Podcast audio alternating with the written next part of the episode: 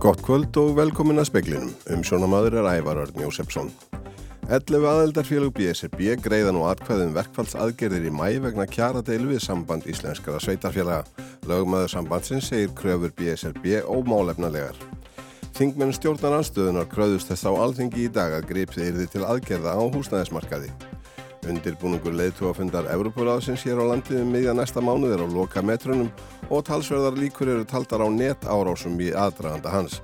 Fossættisráðara leggur mikla áherslu á að leiðtúarnir komist að sterkri sameiginleiri niðurstöðu.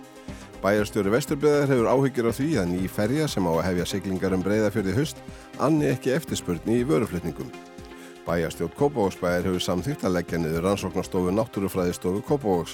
Fórstöðum með Náttúruminjasaps Íslands segir að ákvarðunin sé vítaverð. Kínversk sendinemnd er væntalið til Úkræn og næstunni til að reyna að miðra málum í deilum rúsa og úkrænumanna. Fórsetar Kína og Úkrænu rættust við símleiðis í klukkustund í dag. 900 grunn- og leikskólastarfsmenn á höfuborgarsvæðinu leggja niður störf ef verkfallsaðgerir BSRB verða samþyktar. Lögfræðingur á kjarasviði sambands íslenskara sveitarfélaga segir að krafa BSRB sé ómálefnaleg. Í dag hófst atkvæða greiðsla um verkfallsaðgerðir vegna kjaradeilu 11 aðeldafélaga BSRB við samband íslenskra sveitafélaga. Ef aðgerðirnar verða samþyktar leggur starfsfólk leik og grunnskóla og frístundaheimila í Kópavogi, Garðabæ, Seltjarnanissi og Moselsbæ niður störf 15. og 16. mæ. Ellisif Tinna Víðustóttir, lögfræðingur á kjarasviði SIS, segir að atkvæða greiðslan komi ekki á óvart. Við vissum að það stemdi í þetta en krafan sem þau gera uh, þykir okkur ómálefnaleg og, og þar með er henni hafnað. Ágreiningurinn fælst í kröfu BSRB um afturvirka launahækkun til janúar á þessu ári. Þá fengu félagsmenn SGS sem sinna sumu störfum og félagsmenn BSRB launahækkun sem kollegar þeirra fengu ekki. Ellisif Tinna segir að BSRB hafi samið frá sér launahækkunina í samningaveiraðum árið 2020. Það var ekki vinnuveitandin sem neytaði uh, stjættafélagunum um það að fá sömu laun fyrir sömu störf heldur bauðaði það einmitt fram og hjælti að þeim. Það var hins vegar fórista stjættafélagana sem hafnaði samningum. Hún segist ekki sjá fyrir sér að stjórn SIS geti komið til móts við kröfur BSRB. Í raunin ekki. Stjórn Sambands Íslandska Sveitafélag hefur hafnað þessu um að ræða kjærasamning sem að Sveitafélagin hafa fullu emt. Sæði Elisef Tinna Víðistóttir. Pétur Magnússon tók saman. Sigurður Ingi Jóhansson innviðar á þeirra segir að bankarnir verða að koma þeim heimilum til hjálpar sem glýma við hækkandi áborganir af húsnæðislánum. Ríkistjórnin var gaggrind fyrir stefnuleysi í málafloknum á alþingi í dag. Inga Sæland, formadur flokks fólksins, var málsefjandi umræðu um húsnæðismál á alþingi í dag.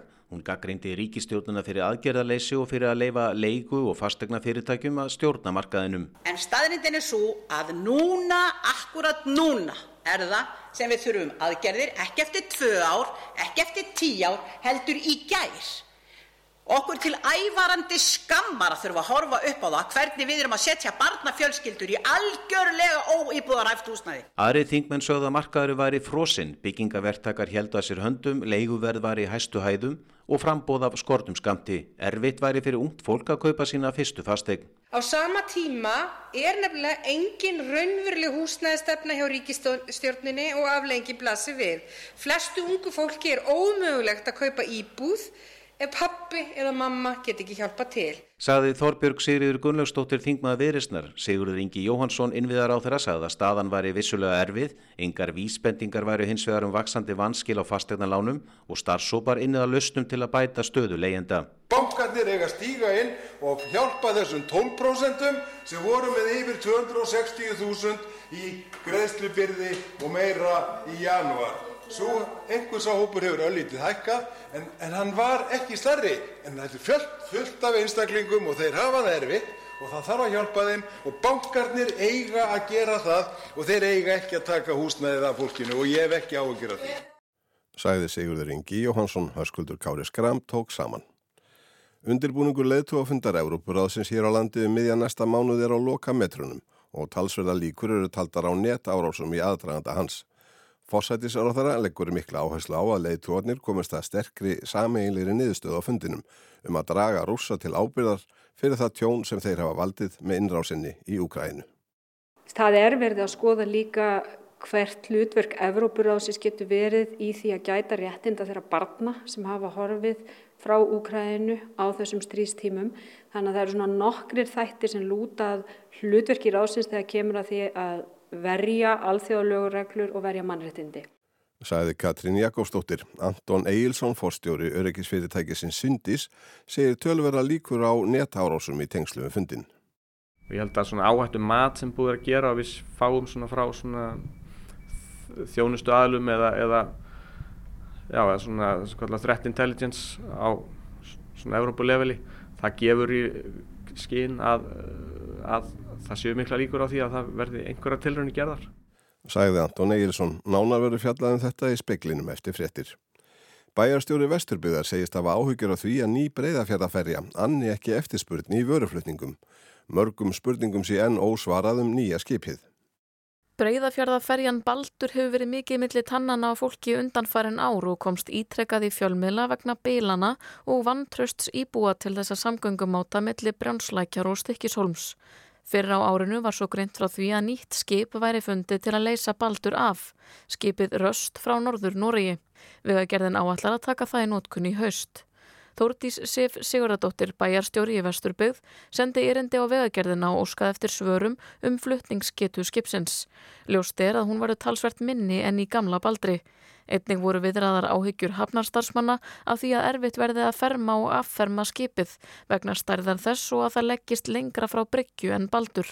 Við vitum að e, fluttningur á fluttningabílum eða stóru fluttningabílar eru farin að nota ferjina með mjög vegna hérna, lagseldisins og annara fluttninga og það er bara mjög mikilvægt að hún sinni þeim þörfum sem samfélagið e, er með. Hafna og atvinnumálaráði í Vesturbyggð bókaði í fundargerð að þau hörmuðu áhuga lesi vegagerðarinnar og að gert væri lítið úr áhegjum samfélagsins.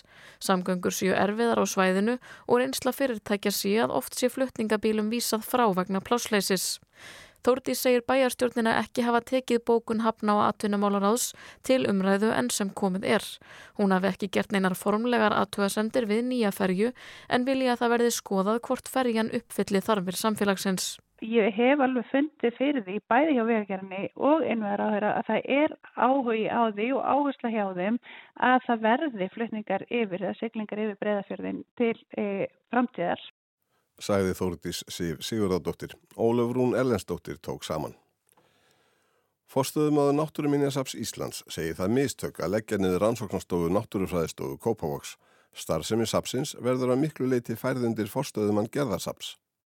Þetta eru bara válega tíðindi að eh, leggja niður svona gamalgróna stopnun að því að verðist eh, að mjög vannbúnu máli eða aðtugun og að segja starfsmönnum upp og ekki vera búin að tryggja já, yfirfæslu á sapkosti og uh, færa rannsóknir þá annað, það er bara vítavert. Segir Hilmar Malmqvist, forstöðumæður Náttúruminja Saps Íslands.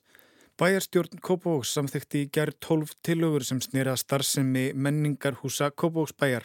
Meðal þeirra er að sapnegn náttúrufræði stofu, fræðsla, miðlun og rannsóknar á henni færist undir fórstuðmann gerðasaps og önnur rannsóknarstarfsemi verði lögð niður og færð öðrum í samstarfi við bæin.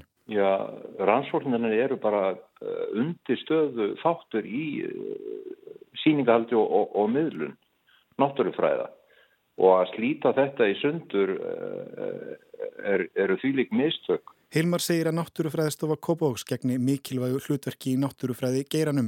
Hann telur að ákvörðunin sé misráðin. Það skilur ekki þennan hugsunagang að, að, að, já, að fólk átti sýtja því að til þess að geta miðlað einhverju á góðan hátt og, og, og segja vel frá hlutum þá þarf það að búa yfir þekkingu á, á því sem þú ert að segja frá og fjalla um. Sæði Hilmar Malmqvist. Pétur Magnússon rætti við hann. Réttæpar þrjár vikur eru þar til leðtúafundur Európaráðsins hefst í Reykjavík. Þetta er einungis fjórði leðtúafundurinn í tæplega 75 ára söguráðsins og það stefnir í með þáttöku þar sem vel á 15. þjóðaleðtúa hafa staðfest komið sína. Kostnaður Íslenska ríkisins nefnur tæpum 2 miljóðum króna og fer langstæsti hlutin í öryggiskeslu. Katrín Jakobsdóttir, fórsættis ráþæra, leggur mikla áherslu á að leituarnir komist að sterkri sameiginleiri niðurstöðu á fundinum um að draga rúsa til ábyrðar fyrir það tjón sem þeir hafa valdið með innrásinni í Ukrænu. Undirbúningur allur er á lokast í. Við vorum að kynna bóðaðar umferðarlokanir sem verður þetta tölverst umfáðsmiklar hér í kringum húsið þessa daga. E, dagskráin er e, liggur fyrir og er komin í lokadrög. Það er e, liggur fyrir að mætingin verður bara mjög góð þó að við séum ekki komið með endanlegan þáttökulista. Þannig að undirbúningurinn er á lokastígi og en efnislegi undirbúningur er líka á lokastígi. Það er að segja yfirlýsingin sem verður uh, væntalega svo samþygt hér í Reykjavík. Hver er þín drauma niðurstaða af þessum fundi? Sko ég held að þessi fundur, auðvitað er hann fyrst og fremst haldinn vegna stöðunar í Evrópu vegna innrásar rúsa í Úkrænu og auðvitað mun verlur hluta nýðustöðunum snúast um Úkrænu og þar höfum við sérstaklega hort til hlutverks Evrópuráðsins sem líkilstofnunar á ákveðnu sviði. Þar er verið að horfa á tjónaskrá uh, sem gerir það verkum að hægt sé að kalla rúsa til ábyrðar fyrir það tjón sem þeir hafa valdið í stríðinu. Það er verið að skoða líka hvert hlutverk Evrópuráðsins getur verið í því að gæta réttinda þeirra barna sem hafa horfið frá Úkræðinu á þessum strístímum. Þannig að það eru svona nokkrir þættir sem lútað hlutverki ráðsins þegar kemur að því að verja alþjóðalögureglur og verja mannréttindi. Síðan eru þetta líka verið að horfa á framtíðar hlutverk ráðsins þegar kemur til að mynda að réttinum til heilnæms umhverfis Ég vona að loka yfirleysingin verði mjög skýr með þann rétt að það sé hluti af því sem þetta ráðmunni fjallum núna í framtíðinni. Það sé rétturinn til heilnæms umhverfi sem mannréttindi og að það verði tekið af skarið með þau mál með skýrum hætti. Ég vonast í þess að Európaráði árétti sitt fórustu hlutverk þegar kemur að því að gæta mannréttindum og siðferðilegu viðmiðum þegar kemur að nótkum gerfigreindar sem auðvitað við erum að sjá þróast á ógnarraða og mun halda áfram að þróast með miklum hraða. Og síðan er þetta líðræði því við erum auðvitað búin að sjá bakslag í líðræðinu uh, í álfun okkar á undanföllum árum. Katrín mun eiga tvíliða viðræður við fjölmarka af þeim þjóðarleitugum sem munu sitja fundin en það segir hún afardýrmætt að geta átt slíkar viðræður hér. Ekki munu skýrast fyrir rétt fyrir fundin hvort Selenski fórseti Ukrænu muni mæta til fundarins. Erstu bjart sín á að hann mæti? Já, það á bara eftir að skýrast og ég hef fullar skilninga því að staðan þar er þannig að það getur bara bröðið til begja vona með það. En við finnum mikinn og ríkan áhuga frá Úkrænu um þennan fund og að nýðustöður hans getur orðið góðar og uppbyggjulegar. Liggur fyrir hver heildar kostnaðurinn er fyrir Íslenska ríkin? Já, sko hann verður heil mikill. Þetta er eh, stórt verkefni, þannig að hann slagur upp í 2 miljardar heildar kostnaðurinn við það að halda þennan fund og langstærstur hlut af þeim kostnaði snýstum öryggiskeslu. Sæði Katrín Jakobsdóttir, fórsættis ráðherra. Jóhanna Vigdís Hjaltadóttir talaði við hanna og meira af leitugafundinum og öryggismálum sem honum tengjast talið er nokkuð líklegt að gerðarverði net árásir hér á landi í aðdragandafundarins og á meðan á honum stendur. Það er öryggisfyrirtæki Syndís sem heldur utanum netöryggismálin á fundinum. Sunna Karin Sigurþórsdóttir spurði fórstjóra þess, Anton Egilson, hvers vegna slíkar árásir þykja líklegar. Já, við teljum að e, það vilji margi nýta sér það að kastljósi sé á Íslandi og á þessum fundi til þess að valda usla eða, eða mögulegum skemmtum á, á netkerfum eða, eða tölvumkverfum fyrirtækastofnuna ríkisins. Hvers konar árásar eru að tala um? Já, það er, það er auðvelt að valda árás eða valda usla með árásum eins og DDoS árásum sem er svona álags árásir sem auðvelt er að keira hvaðan sem er úr heiminum og geta tekið niður og tröfla þjónustu á þess að valda kannski miklu skada en svo gætu aðeinar gengið lengra og farið í til dæmis gagnagísla tökku eða eitthvað slíkt. Fundur verður haldin í hörpu, er þetta hús nægilega varið fyrir hugsanlegum árásum þarna þegar allir þessir þjóðarleituar eru að koma saman? Ég held að það sé verið að leggja tölvört upp úr raunlægu örgi og verja húsið svona fyrir, fyrir því að fólk nálgist ekki og sé ekki á staðnum en, en, en okkar álengi sem dæmi til þeirra sem eru á staðnum og er að nota ekki opinn Wi-Fi eða neitt slíkt og maður treystir því nú að í flestu tilhjöldum séu þjóðar leitur og þjóði með örga samskipta miðla en, en ef að það er mikill vilji fyrir hendi þá er örglegt að komast inn í samskipti sem væri eigast að staði yfir, yfir opið netkerfi til dæmis í, á staðins og hörpu. Eru almennir borgarar líka þannig í einhverja hættu að landa í svona?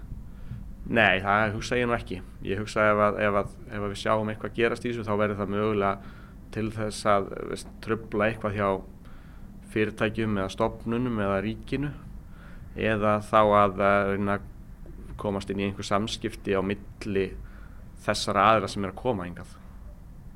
Og hvað gerir þið núna til þess að breyðast þau þessu?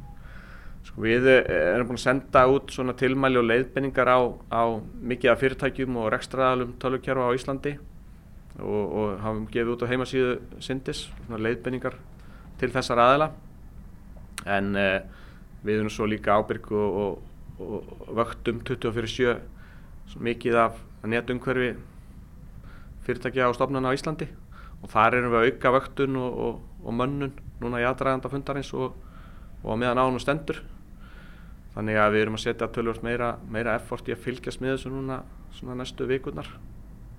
Hversu líklegt teljið þið að þannig að muni einhverjir hakkarar gera allögu hérna Íslandi á þessum tíma? Við teljum vera tölvöða líkur á því og, og hérna ég held að svona áhættu mat sem búið að gera og við fáum svona frá svona þjónustu aðlum eða, eða já, eða svona, svona threat intelligence á svona Európa-leveli það gefur í skinn að, að það séu mikla líkur á því að það verði einhverja tilröndi gerðar En þetta er gríðalegt umfangi kringum en hann fund ráðið þið alveg við þetta? Já, við ráðum alveg við þennan þátt sem snýra þessu og við, við vitum náttúrulega sama tíma er verið að setja gríðalegt uh, gríðalega orku í, í raunlega þáttin og þar náttúrulega þarf bara að flytja inn fullt fullt af fólki en, en við teljum okkur ráð ágjörlega við, við þennan netturíkst þátt en, en sjálfsögðu þarf þurfa aðeila sem eru ábyrgi fyrir rekstri hérna, þjónustöðalar og, og, og, og kervisstjórar og slikt hjá, hjá fyrirtækjum landsins líka að vera á Varbergi næstu vikunar og hérna, vera enn tortignari á þau samskipti sem er eiga sér stað eða tölvupostar sem er að koma tryggja afritt og kerfi sér uppfærð sem dæmi. Hvað með viðbræðsáallinir? Já, það er mikilvægt að það séu til viðbræðsáallinir hjá hjá aðlum sem eru í, í rekstri tölvugjörfa og, og sérstaklega núna næstu daga þá, þá væri lag að fara yfir þessar áallanir og, og tryggja þessi í lægi, það sé búið að æfa þær og, og þetta séu viðbröð sem hættir að grípa til þegar, ef þetta fer á vestaveg. Sæði Anton Eilsson, sunna Karin Sigurþórsdóttir talaði við hann.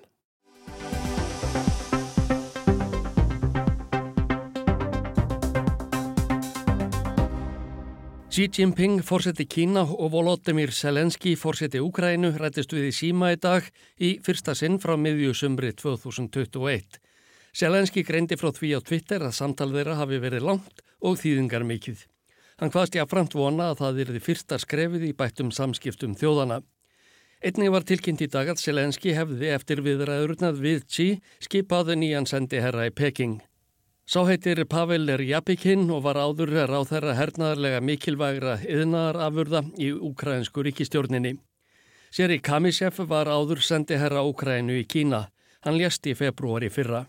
Leðtórnir rettust við í um það byrja eina klukkustund að sogni stjórnvalda í kænugarði. Tekið var fram að nánar er þið greint frá efni viðræðina þeirra síðar. Í yfirlýsingu frá utarreikisráðunitinu í Peking segir að Xi Jinping hafi lagt á það áherslu að kynverar væru ætið fylgjandi friði. Já, framt var tilkynnt að kynverk sendi nefnd færi fljótlega til Úkrænu og fleiri ríkja til að leita pólitískrar lausnar á Úkrænu deilunni. Búist hefur verið við því á síðustu vikum eða allt frá því að kynverar lögðu framt áallinu í tólf liðum um að koma á friði í Úkrænu að þeir Volodymyr Selenski og Xi Jinping rættust við. Í frett kynverska ríkisjónarpsins kom fram að sí hefði þakkað Selenski sérstaklega fyrir aðstóð við að flytja kynverska ríkisborgara frá Úkrænu í fyrra. Þjóðirnar ættu að horfa til framtíðar og byggja upp góð tengsl sín á milli, byggð á samvinnu og gagkvæmri virðingu. Kynverar varu reyðubúnir að leggja sitt af mörgum til að bæta samskiptu og samvinnu þjóðana. Utarreikisráðunettið í Moskvu fagnaði því í dag að leitúar Kína og Úkrænu hefðu ræðist við og að kynverar ætluð að leggja sitt af mörgum til að koma á friði. Marja Sakarova, talsmaður ráðunettusins, notaði tækifærið til að saka stjórnvöld í kænugarði um að hafna öllum skinsamlegum tillögum um að leysa úr ágreinningnum eftir pólitískum og diplomatiskum leiðum. Þessi stað settuði fram skilirði fyrir löstdeilunar sem ómögulegt væri að uppfylla. Luis Inácio Lula da Silva, Brasilíuforseti, rétti Úkrænumenn til reyði fyrir þessum mánuði á fundi með kýmverskum ráðamönnum með því að segja þá bera ákveðna sök á innrás rúsa. Þeim væri nær að gefa krímskaga eftir. Lula sagði sömuleiðis að Bandaríkin og ríki Evrópusambandsins ættu að tala um frið í stað þess að espa upp ófriðin. Þessi ummæli fóru fyrir brjóstið á mörgum hef ekki vegna allansála. Í Washington var Lula sakaður um að bergmála áróður rúsa og kynverja. Á fundi með frettamönnum í Madrid á Spáni í dag gaggrindi Brasilíu fórseti rúsa aftur á móti fyrir innrásina og fordæmdi mannréttindabrót þeirra í Ukrænu. Sabe perfeitamente bem que o Brasil, desde o começo, condenou a ocupação territorial da Ucrânia. Þið vitið full vel að Brasilíumenn fordæmdu innrásina í Ukrænu allt frá byrjun, saði Lula. Mistök voru gerð og þau hrundu stríðinu af stað bættan við. Það hefur ekkert upp á sig lengur að velta fyrir sér hver var í rétti og hver í órétti. Næsta mál á dagskrá er að stöðva þetta stríð. Þeir verða að hætta að drepa hverjir aðra og eiðilegja allt það sem byggt hefur verið upp á laungum tíma. Hvergi í heiminum talar nokkur maður um friðina með ég. Mér líður eins og hrópandanum í eðumerkinni, sagði Lula. Hann er í opinberi heimsókn á Spáni. Pedro Sánchez, fórsættis ráþæra, var einnig á fréttamannafundinum í Madrid í dag. España y Brasil deseamos lo mismo, la paz, y para que esta paz sea dura, duradera y también eh, justa, es importante que nos impliquemos todos. Spánverjar og Brasíliumenn vilja það sama, saði Pedro Sánchez. Við viljum varanlegan frið. Það er mikilvægt að allir leggji sitt af mörkun. Hann tók einnig fram að fórsetana greindi áum eitt og annað í Ukrænustríðinu þar á meðal hvort rússum yrði eftirláttinn Krímskægin. Fraklands fórseti fagnaði því í dag að kynverar ætluð að taka þátt í að miðla málum í Ukrænu. Þjóðar öryggis ráðgjafi bandarækja fórseta sagði einnig að viðræður leið tóna væri góðs viti. Áskeir Tómasson tók saman.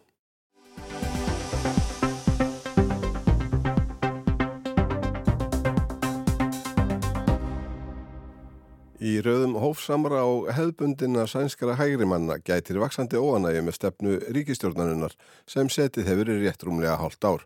Undanfarnar vikur hafa svíþjóðademokrater ítrekkað sett stjórninni úslita kosti og hótað að setja samstarfið í uppnám sé ekki gengið að kröfum þeirra. Stjórnmálaskýrindu segja að flokkurinn hafi mikil völd en berina er enga ábyrð. Kári Gilvason. Úrslit þínkostningarna hér í Svíþjóð síðasta haust voru bæði sigur og vonbreyði fyrir leiðtoga hægri blokkarinnar mótiratan Úlf Kristersson. Blokkin náði meiri hluta á sænska þinginu og Kristersson varð forsættisráþura en forskotið var naumt. Flokkur hans er nú sá þriðji stærsti á þinginu og stjórnin þarf að treysta á stöðning Svíþjóðardemokratana, flokks sem á rætur sínar í hreyfingu nínasista og var, þar til á síðasta kjörtímanbili, algerlega hunsaður af öðrum stjórnmálaflokkum í Svíþjóð. Eftir nokkuð langar samningaviðræður var loks mynduð ríkistjórn með Kristersson og Móti Ratana í forsæti og ráðþaura frá smáflokkurum frjálslindum og kristilegum demokrautum. Svíþjóðdemokrater hafa kosið með stjórninni en sitja ekki í henni. Hins vegar fara þeir fyrir ímsum valdamiklum þingnemdum og ráða miklu um stefnu stjórnarinnar, svo miklu reyndar að sumum þykir nóg um. Í nýlegu viðtali við sænska ríkisjónvarpið kvartaði mótiraten Ulrika Hvenström undan því að ríkistjórnin komi engum borgarlegum stefnumálum í gegn, þótt stjórnin sé borgarleg. Formaður Svíþjóðdemokratana hafi neitunarvald í samstarfinu og það sjáist greinilega.